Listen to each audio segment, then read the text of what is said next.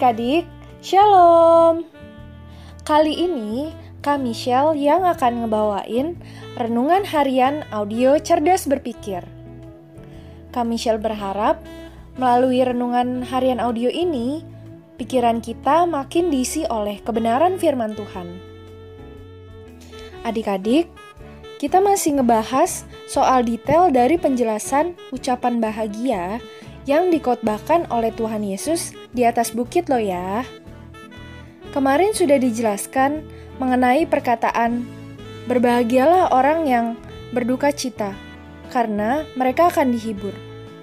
Hari ini kita akan ngebahas ucapan bahagia yang ketiga. Itu terdapat dalam Matius 5 ayat 5 yang bunyinya Berbahagialah orang yang lemah lembut karena mereka akan memiliki bumi. Lemah lembut yang dimaksud Tuhan Yesus di sini bukanlah suatu sifat atau perilaku yang kebanyakan dimiliki oleh kelompok tertentu.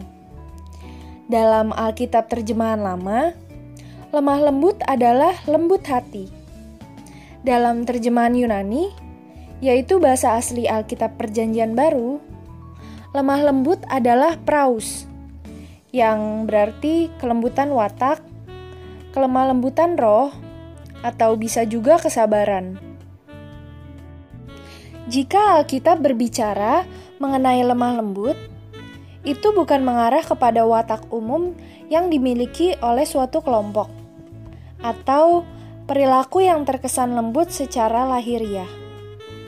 Namun, mengenai sikap hati.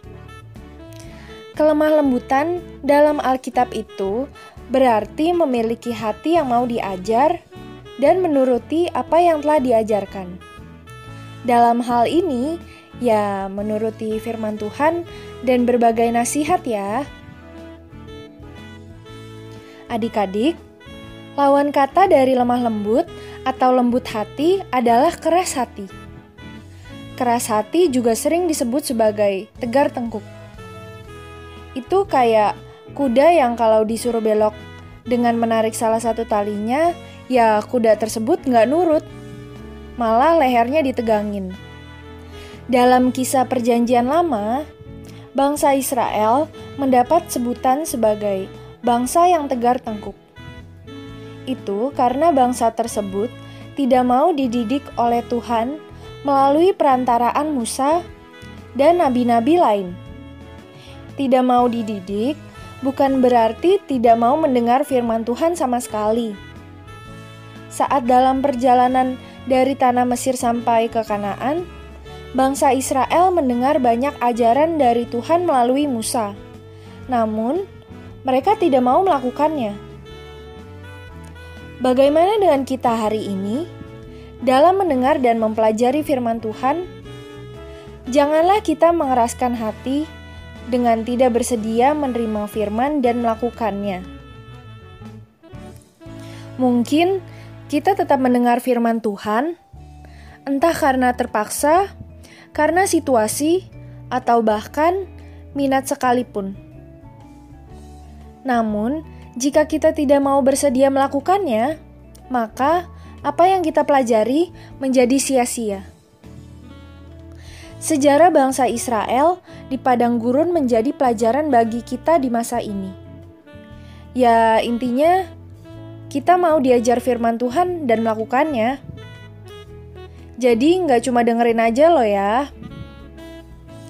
By the way, kita juga nggak boleh cuek dengan setiap saran atau nasihat yang disampaikan untuk kita ya. Ya, bagaimanapun nasihat tersebut bisa membuat kita lebih baik lagi kan? Ya, intinya mau dibilangin lah. Orang yang lembut ternyata adalah orang yang diberkati loh.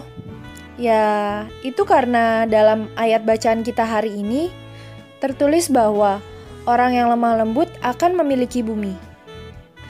Bumi dalam Alkitab tersebut bisa berarti tempat yang lebih baik. Gampangnya gini, kalau kita menuruti nasihat dari guru dan belajar dengan baik, maka kemungkinan besar kita akan mendapat nilai yang lebih baik. dan itu sangat berguna bagi masa depan kita. Bayangkan jika sedari sekarang kita nggak menuruti nasihat guru dan malas belajar. Hmm, kita tahu lah ya, di masa depan kita akan seperti apa. Jadi, orang yang lemah lembut atau mau diajar adalah orang yang berbahagia atau orang yang diberkati. Yuk, kita berdoa. Ya Bapa, terima kasih untuk renungan hari ini. Biarlah lewat firman ini kami bisa memiliki hati yang lemah lembut seperti hatimu. Dan kami bisa menerima setiap nasihat termasuk nasihat firman Amin. Oke, tetap sehat, tetap semangat, dan tetap jadi berkat. Tuhan Yesus memberkati. Dadah!